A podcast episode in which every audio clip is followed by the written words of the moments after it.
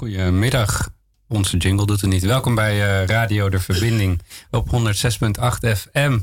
Um, een show uh, van HVO Querido die wekelijks uh, een gast uitnodigt en zijn verhaal laat doen. Vandaag zitten we met Chandrika en Hisham achter de knoppen. En onze gast is Paul Isaac. En ik ga eerst even vertellen wat wij doen. Ehm, we zijn sinds nou ja, een paar weken een serie aan het maken met uh, Bedpad en Brood. Uh, dat is een, een, een, ja, een plek die wij bieden als organisatie voor mensen die ongedocumenteerd zijn en nog in het proces zitten. En we zijn dat gaan doen omdat wij ja, de verhalen achter de mensen willen horen. Um, wat, wat is de situatie? Waarom zitten ze bij Bedbad en Brood? Um, en waarom is, die, zijn die procedures nou zo ingewikkeld? waar lopen ze tegenaan? En waar komen ze vandaan? En vandaag uh, met Paul Isaac uit uh, Nigeria. En uh, we're gonna do this in English. Um, welcome, Paul. Thank you. welcome. Much. Welcome to the Thank studio. Um, Paul, your story in Nigeria goes back for how many years? When when you were born there? Here, I was born in 1966 on the 6th day of June. Six, eh? long time ago. Yeah, that was. that but was you're still. I ago. when I saw you, I thought, wow, this guy is thirty. But so he, you don't you, you you don't see it, people. Uh, it's- he's still uh, really young. Yeah, you see, you have a good face. yeah, really, people do Yeah. tell me that very often. Yeah, Yeah. and um, you didn't uh, uh, come from a, a big city, right? You came from a quite a rural area. Yes, yes, I'm from a rural area. Can you uh, explain how the situation was where you came from? How the Yeah, where I came from, it's really a very small village uh, with a population of possibly, I think, there are some between two to three hundred people, Mhm. and uh, we've got only one primary school there where every youth goes for the elementary education. Mm. And uh, I joined this primary school, I think, in 19, uh, should be 1970 Mhm. Year, because I remember I passed out in 1977 from that primary school. yeah. So it was a period of seven years of primary education. hmm And uh, after that, I got admission into the secondary school. That secondary school is really some hundreds of kilometers away from that village. So, uh, yeah. And it was a special school because it is specially for, you know, for people who would like to go into science. Okay. Okay. So it was a science, you know, a government science secondary school. So not everyone got that admission. No, or no, no. You had to get good grades, and then after you, that, you have to get special gr- uh, grades in order to be admitted into that school. Mm. And uh, throughout my state, I think we had about five of such schools. And so I eventually passed out of that science secondary school But how did you had to stay internally? Did you because it was 100 kilometers away, or did you have to travel every day or every week? Or? No, no, no. It's a boarding school. you boarding know. school, the exactly. government provided all the facilities we needed. They Yeah. provide transportation, provide the accommodation, hmm. provide the food and everything. Mm-hmm. So you stayed there. Yeah, so we stayed there mm-hmm. until at a, you know after a period of time they allow you to go home f- on holidays to see your parents and uh, junior ones. Yeah. And so it is, yeah, it's a school that uh, where special subjects are, you know, studied. And so the government, they know how serious it is to read science subjects. So they try to give us the support that we need and they didn't allow us to lack anything. Mhm. So that is it. So, like I said, I finally passed out of that school in 1983. Also, I was, uh, yeah, of course, naturally, I'm, I'm not praising myself anyway. But you, you are easy learner, so to Yeah. hear, right? Yeah. Naturally, I'm intelligent, so I got good grades, and a whole lot of universities were interested in my situation, and so, and one of those uh, schools that uh, invited me is the Nigerian Naval College. That was the first admission I got Mhm. and then later on some other ones followed because they were coming in the newspapers but then again i have to choose which one i should go and uh, of course my my parents they contributed i mean they helped me to choose one and which was the nigerian naval academy And it wasn't really your own interest. It was more your parents putting you in this direction. it was also my interest. When they suggested that, I agreed with them. Of course, I had the choice to object, but for the fact that I was also interested, I accepted their suggestion. Mhm. Yeah. Okay. So you started there at 1985? Yeah, 1985. It was supposed to be a course for three and a half years. Mhm. hmm You know, I was supposed to read uh, marine engineering then. And so, yeah, we started then along the line, something went wrong. Something went wrong in the sense that, you know, the senior students, senior naval cadet officers we met there, hmm they had a privilege, a privilege to discipline the young ones who are just coming into the academy Mhm. you know, it wasn't like, you know, they should really discipline on in a bad way. But then again, they turned it into something else. They were really brutal with the type of discipline they, Yeah, because some of they were meting out. yeah, because normally in a, in a, it's quite normal in the military, but they Yeah. they cross the border. Yeah, in, they in- crossed the border. They were very Going far. abusive of that. Uh, Yeah. Can you give me some examples of that? Yeah, of course. You know, like I always say, I'm from a rural area. We don't have body of waters where we learn to swim. I don't know anything about swimming then. Mhm.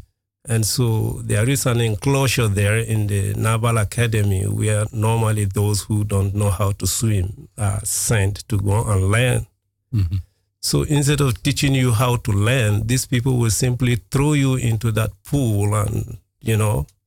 So on two to three occasions, I drank water to the point, you know, I almost passed away. So at a point, I felt threatened. Yeah. hmm You know, I felt that, yeah, my life is really at stake. So how am I going to survive this? Yeah.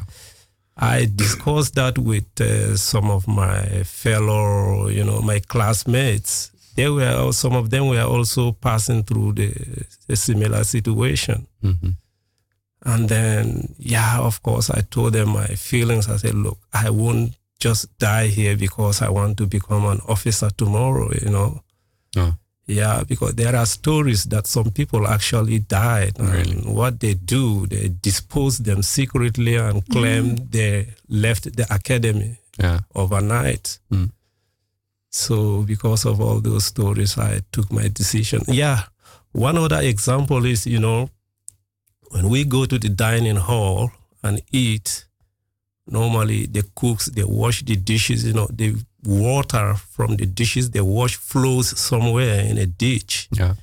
And for months, for years, that water is always there, you know. Mhm. So what will these senior students do?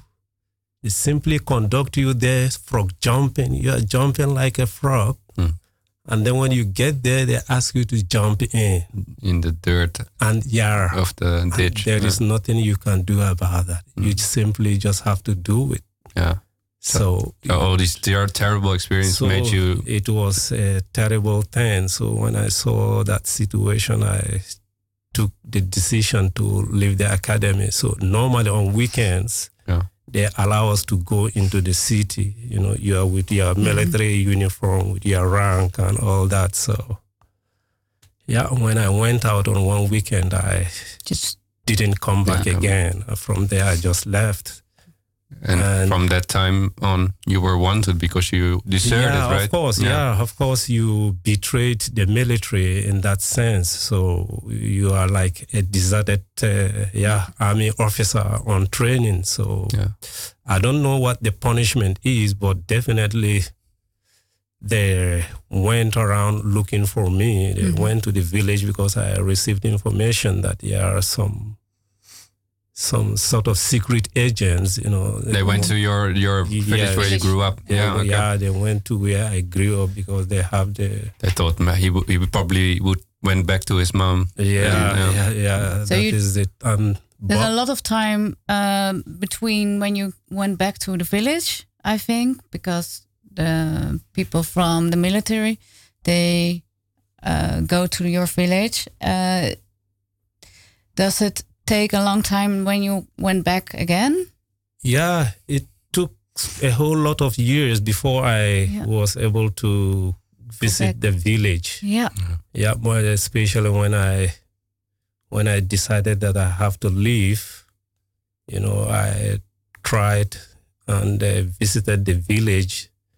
I didn't stay long. It was just uh, overnight. I got there during the night and left the same night. I told them, "Look, I'm leaving the country, and all preparations are, have been made." Yeah, we're gonna listen to your um, your story, uh, how it went on after that, because you stayed in Nigeria for a while after that.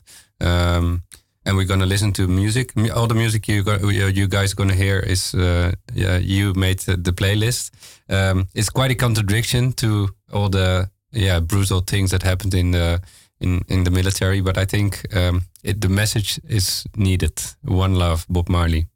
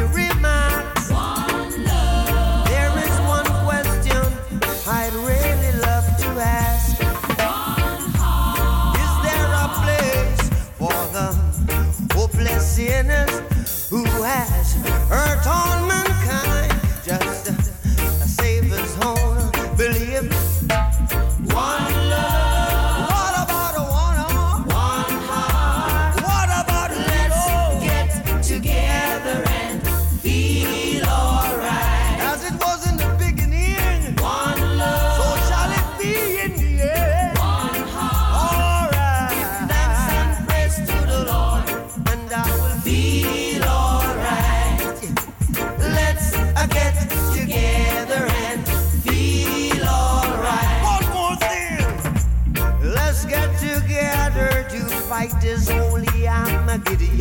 One love. So when the man comes, there will be no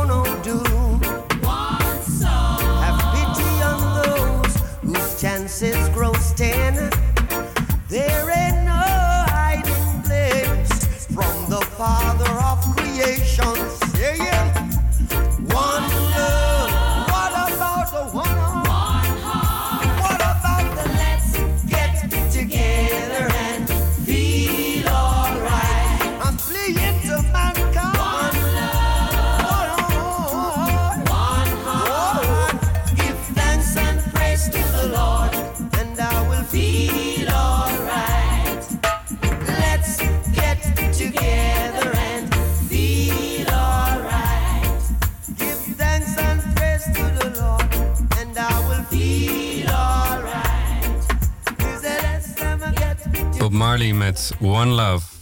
And we're still listening to the story of Paul Isaac. Um, he just told us that he, um, well, went into the army and uh, well, there was a lot of abuse and brutality in the, in the army, and he decided to leave because that that, that was how he didn't want to live, uh, and he uh, yeah flew and and he was searched for because he was a, de- a deserter at that moment. Um, what did you do after that? You you flew. Um, Yeah, when I fled from the academy, of course, the school was situated in a city that I've not been to before, mm-hmm. in a region I don't know entirely. And now I'm out of the academy. What am I going to do? A different future. yeah, it's a different thing altogether. So, what I did is, first of all, I left that city where that you know Naval Academy is situated. I I just hastened out of that city immediately. I boarded a car to one of the. It's a big city as well. I think. Uh, it's a city that's bigger than that other one. So I just boarded a, a bus to that city. And on getting there, of course, I don't know anybody. So life was difficult in the initial few months. So, but then again, I had no choice than to continue to endure sleeping in uncompleted buildings you know, a situation whereby someone who knows me before seeing me in that situation will will not believe that. yeah. But then again, um, among people who really didn't know about my past, so I didn't bother that much about everything that I was going through. Mhm. I just continued to endure. So at a point, I began to visit, you know, companies, factories that are in that city. And uh, luckily, I got a job in a Pepsi Cola producing company. They produce soft drinks. Mhm. So I was employed there, not a qualification that fits my No. at me, of course, but then again, I accepted that Yeah. and uh, worked there for some, I think, about a year and a half. Mhm. And while I was working there, I was sort of saving money. Yeah. So I wasn't like spending everything. Then I, yeah, of course, I saved some money there. But then again, the idea of traveling wasn't yet in me. No. And so eventually the company closed down. So I have to go in search of another job again.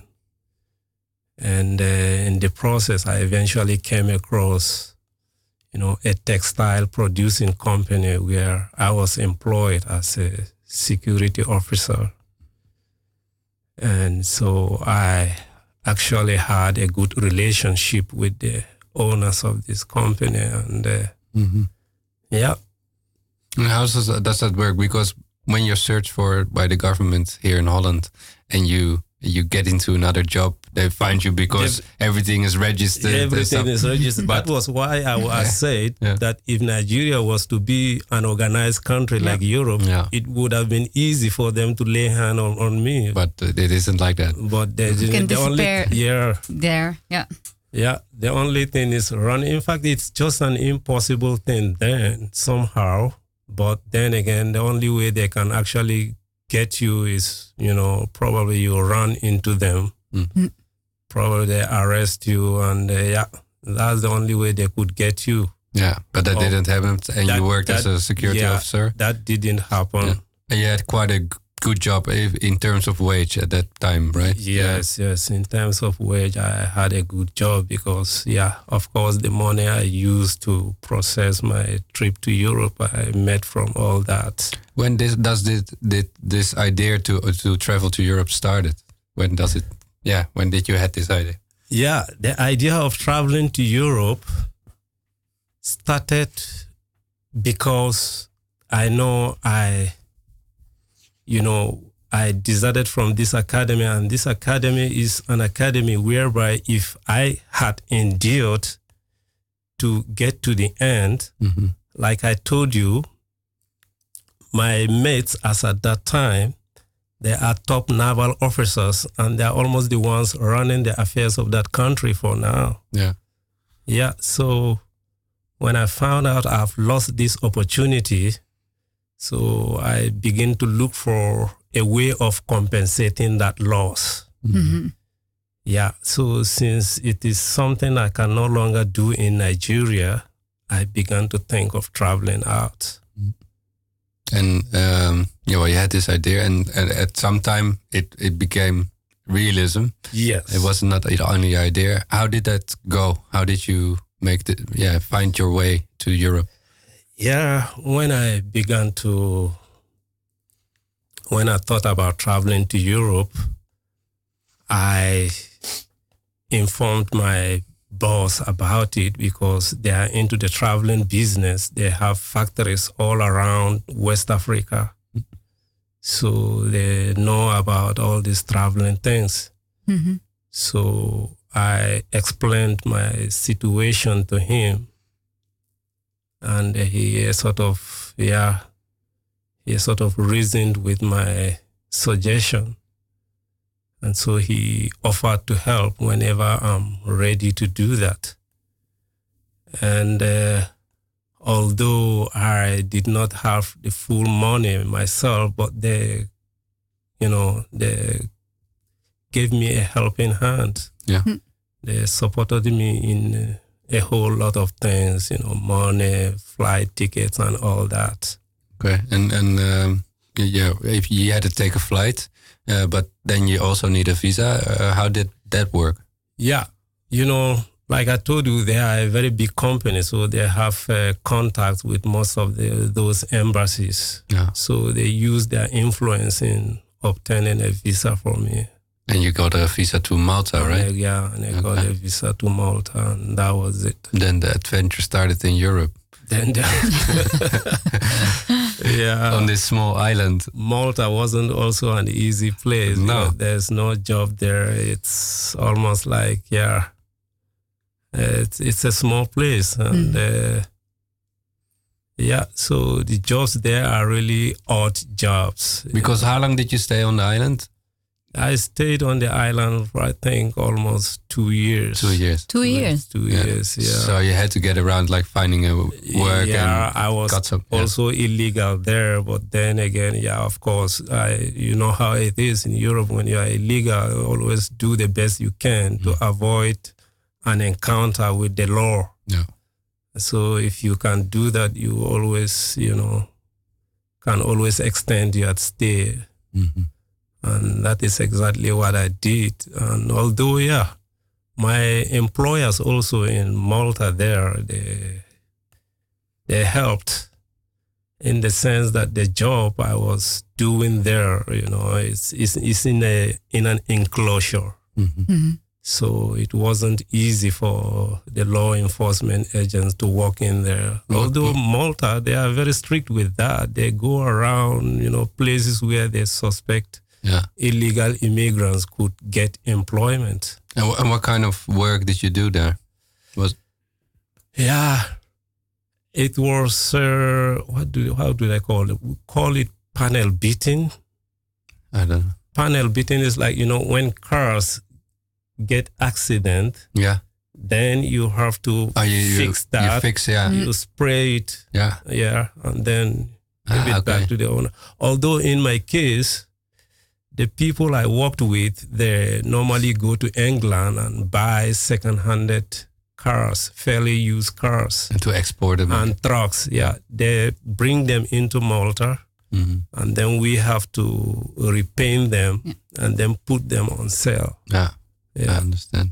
And uh, what uh, you were probably not the only one uh, from Nigeria, from Africa, from the African continent who arrived in Malta. Was there a huge community there? Yeah. There is a huge community of Africans, there, especially Nigerians. We, I met, you know, people who have been, who they have stayed long in Malta, and so. Yeah, They know the way a little bit better. they know the way a little bit and yeah of course that job i got it was through one of them Yeah, it was through one of them, and uh, yeah, they made an arrangement in such a way that I do not because almost on daily basis, the Maltese government keep throwing people back home, you Mhm. know, because of their illegality in the country. Yeah. And, and when Oh. you're provided by a, job, is that also the place that gives you shelter? Or Yes, the the company provided company. a shelter for me. Yeah. right, yeah, they provided a shelter. They were very nice. I'm always like that. Anywhere I find myself, I'm always good with people. Mhm. I don't know, but then it's always happening. yeah, That's good to have people around you yeah, and yeah, helps I'm you. always having people around me, and they always give me the support that I need. So I do appreciate that, and thank God and thank them as well for you know Hmm. all that is happening. Yeah, and Yeah. um, eventually you decided to to leave Malta. Yes, Yeah. eventually I decided to leave Malta because, yeah, of course, it's a small island. Like I told you, it's easy to just lay hands on you, and then again, yeah, Yeah. your dream has not been accomplished. So it's gonna be a disaster if they just pick you up and throw you back to Nigeria. Yeah, and you still had the dream to to grow further as a yeah, person. yeah, yeah. to educate still- yourself. Yeah, yeah. and that course. wasn't possible in Malta. Yes, it also was not not. in It wasn't possible No. in Malta. I wished I had documents also in Malta. I could have started something from there, of course. Mhm. Yeah. So in that case, because of the issues of documents, it's not just possible to get them in Malta. So I decided to move down to Italy. Yeah, And arriving in Italy, you're still illegal. So you arrived. In, you went with a boat to Sicily, right? yes, yes from from. Malta, you can see the shores of Sicily. Yes, so, yes, yes. yeah. It's yeah, of course. At night or during the night, you can just see, you know, the coast of uh, Sicily. Yeah. So I think that trip or that journey, uh, I think is about like forty-five minutes by speedboat, and you are on the other side of Italy. Mhm.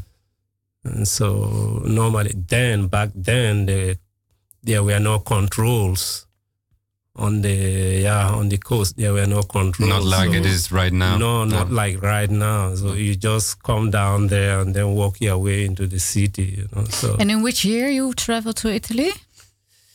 To Italy, that was supposed to be. When is that supposed to be? That should be 90, 1990, 1994, 95. Yeah. Yeah. 95. Should Long- be, yeah. yeah. 94, 95. so we yeah. 10 years later. Yeah. yeah. Okay. We're gonna listen to the the next part because uh, eventually you you get into the bi- the big city Naples.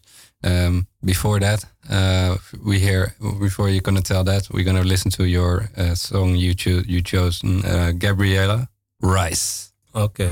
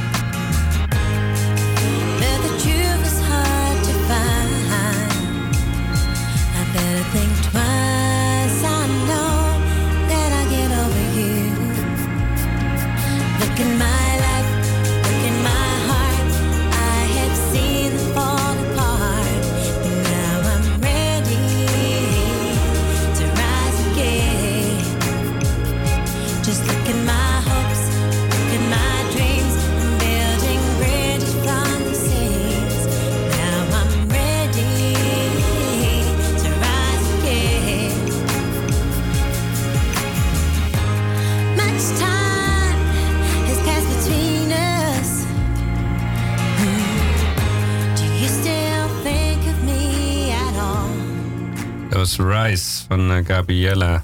Um, going back to your story, Paul. Um, you took a boat from Malta, um, went to Naples. Um, are there your destinies, your, your, the places you choose? eh, Are there like well, you think them over, or is it just uh, someone that brings you there, and uh, you, yeah, you don't really make that choice? How does that work? Yeah, yeah. My the choice of my anyway, I can't call it a choice. My destinations are coincidental. You Yeah. know, it's not something I plan. Mm. And at times, you know, you are not alone in this, you know, situation. There are also others with you. So you always follow them. You know, they say, okay, this is the best place to go. This is, you know, so you follow up.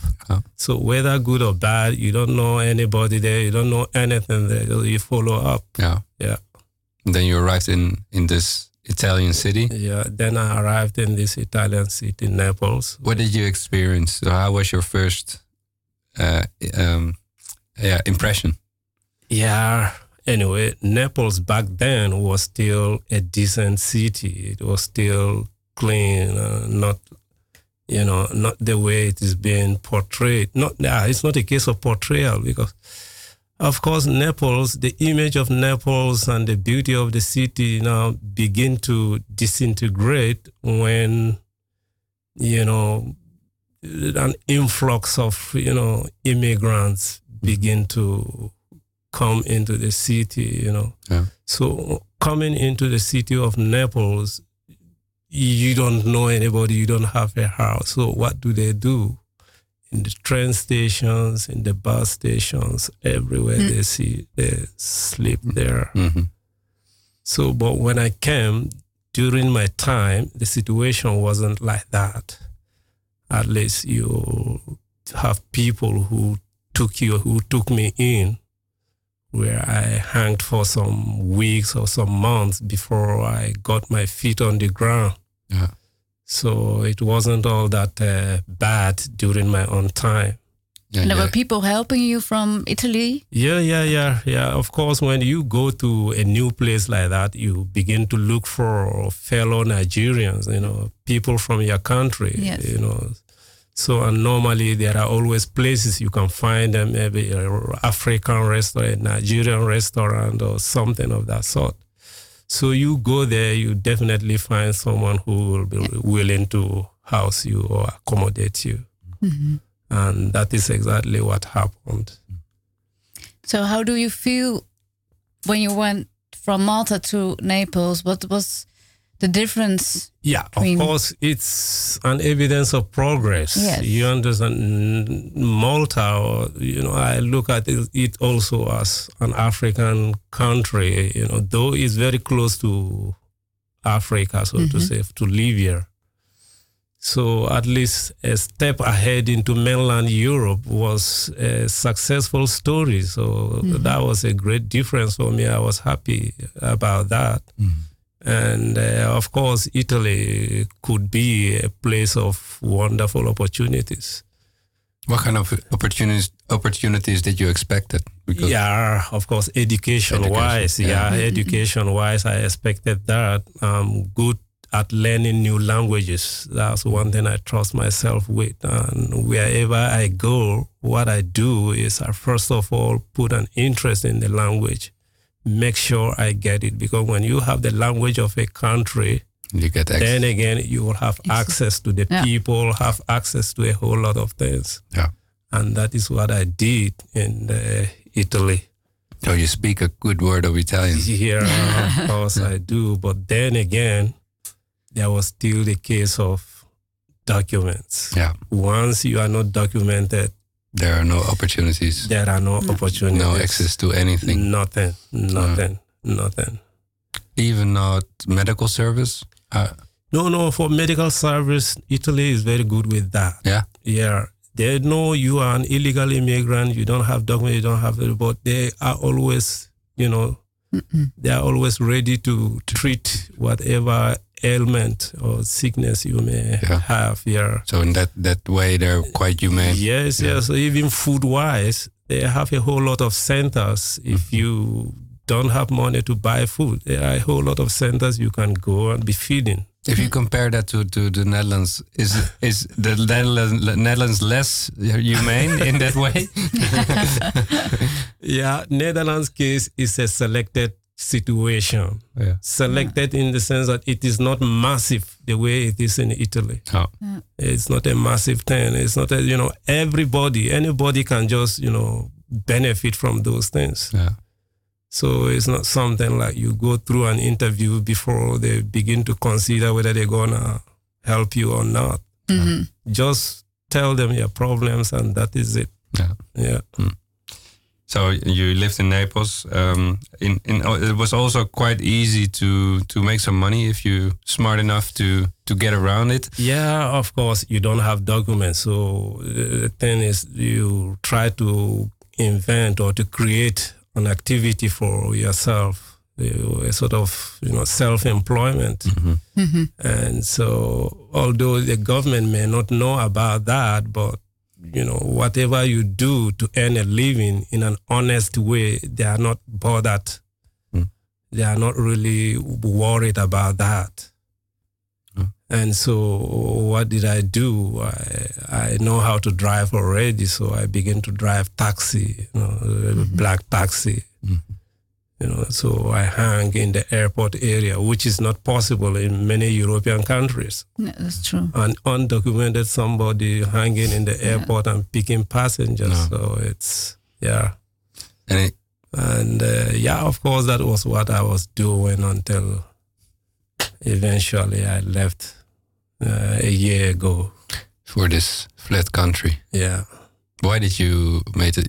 Because there were you had this opportunity where you're able to work, but of course that didn't fit to your ideals, what you wanted to become, right? Yeah. So and then you made the decision to come to Holland. Yes. Yeah. Yeah. Why Holland? Yeah. Why Holland? it's just still a random thing. Exactly. Yeah, Mm. it's there is no specific reason why I came to Holland, but then again, something will just tell you, man, go here, and then you find a ticket. Also, then controls were not much on the borders, so I just bought a train ticket. And the next thing I was in Holland. You arrived here. Yeah, Mm. and then again, also, yeah, you don't know anybody. No. So it was still difficult. It was still difficult. But then again, God sent a woman, a Suriname woman. Mhm. Because Because- you ended up in the Bijlmer. I ended up in the Bijlmer because, yeah. And uh, in the Bijlmer, since I don't know anybody, a place to lay my head, I was just lucky that it was during the summertime, you know, it wasn't cold. And so I tried to have, I mean, to come in touch with, uh, I mean, in contact with Nigerians, but then again, it wasn't really, nobody was opening up, nobody was availing, you know. Mhm. It was different than in Italy. It was yeah. different, yeah. It was completely different. So they were minding their business. They don't want to know what is happening. They already had a small Dutch mentality, maybe. No. no. I think I think so. So what happened when it's uh, you know when you know it becomes dark? There is a lift, An elevator. yeah, an elevator. Yeah, where I normally recline. I'll just stay there, be sleeping there. It will be going up and down. You know. So eventually one day, you know, a lady, a Suriname lady met me. She suspected I was sleeping there, you know, so when she she first of all, you know, when when she got to her flat, she came out. Then later she came back again because she suspected this man could be using this place Hmm. for sleeping. So she came back, she called me and said, "Ah, What are you doing here? Then I have to open up to her. I told her my situation. I just came. I don't know anybody, no place to lay my head. So she felt sorry about that. And to cut the long story short, she invited me to her house. And uh, fortunately, her boyfriend was a Nigerian man also. Mhm. And uh, of course, he intro- she introduced me to him, and they accepted me and I started living with them. You stayed there for a f- Yeah, I uh, stayed for there. quite a while. I stayed yeah. there for quite a while, almost the whole time I was in Holland. In fact, it became she became a mother. Yeah. She became a mother. Although after some two three years, I left there, and uh, yeah, when I got in touch with a Dutch lady who became my girlfriend, also uh, Mhm. I left there. Yeah. But, but it's it, it for me that's such a beautiful thing like she's almost a sort of angel right that yes, takes yes, yes, you yes. into her house and Yeah. do you, are you still in contact with her Yeah, when I returned, I tried to get in touch with this woman, but unfortunately, I was informed that she has died some She- four she years ago. Oh, wow. i'm She has Yeah. passed away. Yeah. I really felt very bad, but her daughters are still around anyway. Mhm. So I visited them and I paid my condolence to them, and Mm. I told them, "Well, I'm finally back."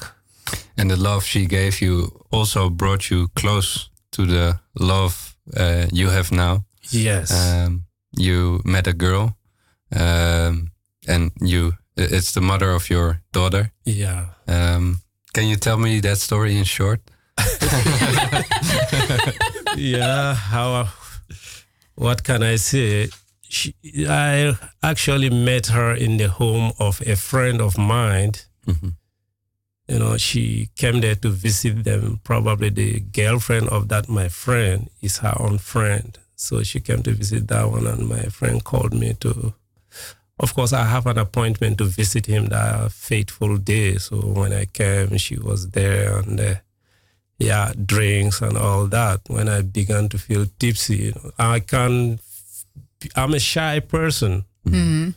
but you know, when I took a glass or you know a glass and two of alcohol, you know, that shyness vanished, and Yeah. I began to to open up to her. open up. I was able to. yeah, yeah, of course, I was able to, you know, present myself to her, and that was it. Yeah. And the relationship started from there. Not that we became, you know, friends immediately, but at- there is always this period of time to study and understand somebody Get that. first. So, but we were, you know, going out sometimes to places and just spending time together. And she's a Dutch lady. And did you see differences between the culture where you're from and where she's from? She's from Holland and you're from Nigeria. Did you, yeah, did you see that? Or fi- did you, um, uh, how do you say, um, Yeah. the differences? Do you yes. see that? of course, there are differences between, you know, courtship, you know, let's say back home and courtship in Europe. There are obvious differences. hmm For example, we don't put in a whole lot of time studying someone and all that. It doesn't take much time to It's quicker in a little bit you're a little bit short quicker yeah. because already the family because it's always a, a, a neighborhood thing. Mhm. Yeah. So the family of the girl and the family and my, and my own family they already know. Yeah. You understand? Yes. And probably the girl we've been coming up together for, you know, we grew up, we are childhood friends or something like that. yeah, something like so that. it doesn't, uh, it's, there is no big deal about that. It's Yeah. just a short, you see, it's just an introduction. I have an interest in your, normally what we say is, look, I was passing by and I saw a beautiful flower in your house and I would like to Yeah, That's how you make. Uh, yeah, yeah, In that's Nigeria, make yeah. the request. Yeah. Oh. it's different then. So and- I would like to have that flower, and so they give you the conditions, the things you have to do in order to have that flower. Ah, okay. So it's an easy thing, but Yeah. the European system is completely different. Yeah. I wish it was that easy here, man. And, Yeah. Hey, but uh, you, you, she got pregnant uh, Yeah. uh, eventually, and Yeah. um, um, well, that is also quite a, a story because um, uh, she la- her labor was way too uh, your your daughter got born when she was just six months. Yes, in- yes, yes. yeah. Destiny was born when she was just six months. It was really terrible. Nobody believed she was going to survive. But we just try the best we can, following the instructions from the hospital. Like when she was born, the doctors they told me that look, you have to keep coming, and when you come, try to lay her on your chest. Mm-hmm. If Connect. she- yeah, if she has that contact, mm-hmm. she will be hopeful and that will help her to live. Mm-hmm. She will have that will of wanting to live because she can smell, you know, Yeah. can smell the, The mother and the yeah, father, the yeah. mother and the father. You went there every day. And yes, I did that every day, morning, afternoon, and evening. Mm. I did that until eventually she was discharged Ah. from AMC and then again transferred to a medical center just close to where we left at Geuzenveld that time in the west of Amsterdam. And so from time to time, like once, you know, every week, we take her to that center for controls. Mhm. And then at a point, they ended that control. A doctor was now coming to the house to check her. And that is how it went. And Destiny, you know, before you know it, she was one year. Before you know it, she was a so Strong. strong. Strong yeah. enough, So yeah. I was, you know, I took her to everywhere I went in Amsterdam. Then, yeah. Can you say it was the the the greatest thing you got in in your life? Yeah, Destiny is my only daughter Yeah. or my only child, so to say. So it's the greatest thing that ever happened. Exactly. Yeah. So. But- uh, And and and after that happened, uh, unfortunately, you you your ways. Um, yeah, you had to leave, or you. What happened? You you you had to. You went back to Italy. Yeah, exactly. Yeah, some situations arise, and uh, yeah, of course, I went back to Italy. I met some money, and I wanted to do some shopping. Then again, okay, you are illegal here. How do you go to Italy and all that? So, I decided to use the document of uh, someone I know Mm-hmm. And that is it. So when I landed in the airport, they detected I'm not the owner of those documents, and so they collected it. And from then you were stuck in Italy and I- not able to come back to your daughter again. Then I was stuck. The only good thing, eh, no punishment about that. Is document is not yours. The owner is looking for it. And that is it. No. What do you? Yeah, that is how it just happened, and I became stuck there. I was trying the best I can to come back to Holland, but it wasn't possible. So for 16 years, you stay, you have to stay there in Italy. 16 years you stay. Is it up to 16? 2002, 2002 to 2018. Yeah, okay. A long time it's a long time, yeah. without your daughter. Without my daughter, but the happy thing is I've always kept her and the mother in touch constantly, morning, afternoon, and evening, through phone calls, through letters, and all that. You wrote a, a letter every week in the beginning before the time of WhatsApp I- and yeah, Facebook. yeah. I started by writing a letter every week, trying to explain to the mother because I know she cannot read, but I write as if um, she co- she can read. So trying to so that if the mother receives these letters, she can read them and try to you know Explain. explain. Um, And Yeah, and Yeah. You, you did that. Um, the the mother of your children, she she got an, two other kids from from another man from other. yeah, guys. she has two Yeah. other kids from. But you other- always in in this time in Italy, or you also uh, sent her money and you you c- took care of the family quite, uh, and you sent it close, right?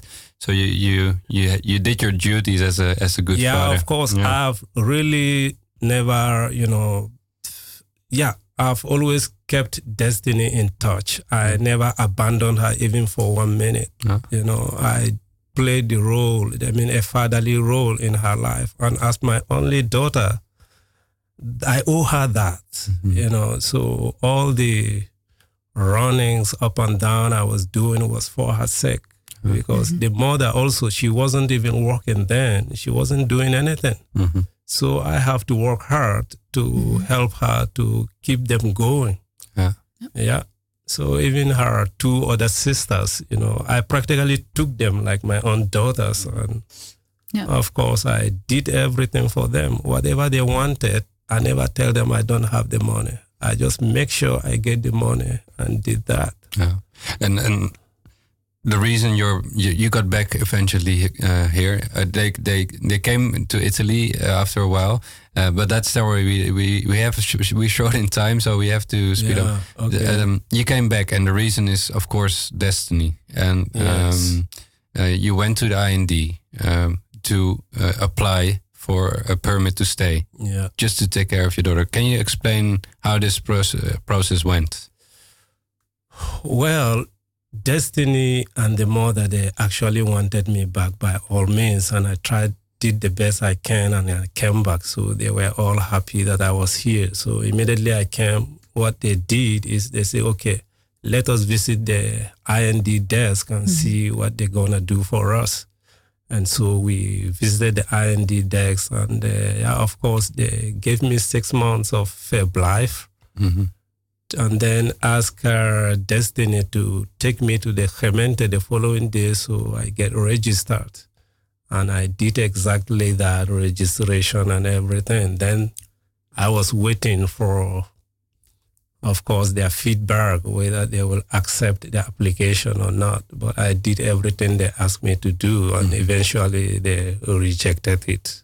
hmm Yeah. And why? What was the Yeah, they rejected it because they told me, look, I have to bring some letters of uh, some letters from Destiny's school teachers or her, or maybe her their house doctor, showing that I've always been around her, trying to help her to Mhm. you know help her to grow up Yeah. you know and so yeah of course destiny and the mother they went to their house doctor and the school teachers but those ones they declined to give them those letters that they needed they say yeah we are sorry we understand your situation but we don't know paul isaac Mhm. and so yeah i couldn't get le- so if since i couldn't get those letters from them i decided to visit other organizations Yeah. that eventually invited me and Destiny and the mother to see the relationship between us. Mhm. Those ones provided me with letters that were also not respected at the end of the day. So when I applied, in fact, when I appealed, of course, I appealed when Destiny was, I mean, uh, I applied when Destiny was 17.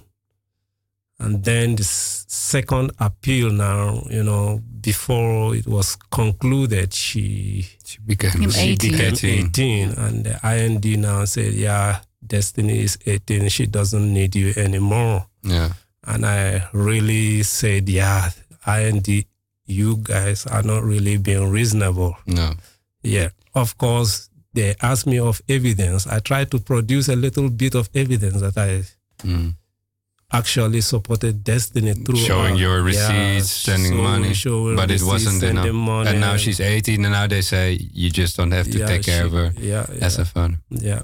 So it is, yeah, it sounds to me really unreasonable. Yeah, it wasn't reasonable. No. If I abandoned Destiny and just coming back from nowhere, it's a different thing. Yeah, But I've always been there as the father. yeah, Yeah, I've always been there. I And did practically father, yes. everything. Yeah. Not only her, even her s- sisters. Mhm. I did everything for them. yeah. Yeah. Wow. Um, I have to say we're at the end. Um, I think everything is said, and I, I hope you uh, that, that the people who listen understand your story because it is unreasonable. You took care of her, and um, yeah, why shouldn't you? Shouldn't we provide you a permission to stay here and uh, yeah, take care of her a little bit more? Because uh, even a, an 80-year girl Yeah. needs some some Yes. wisdom from you because you have the wisdom in you. And I really want to thank you for your story. Um, and I wish you all the best and all the good luck with everything. Uh, you deserve it, I think. And uh, well, thank you for your come coming. Thank you, Carlos. Thank. Thank you. And thank you too.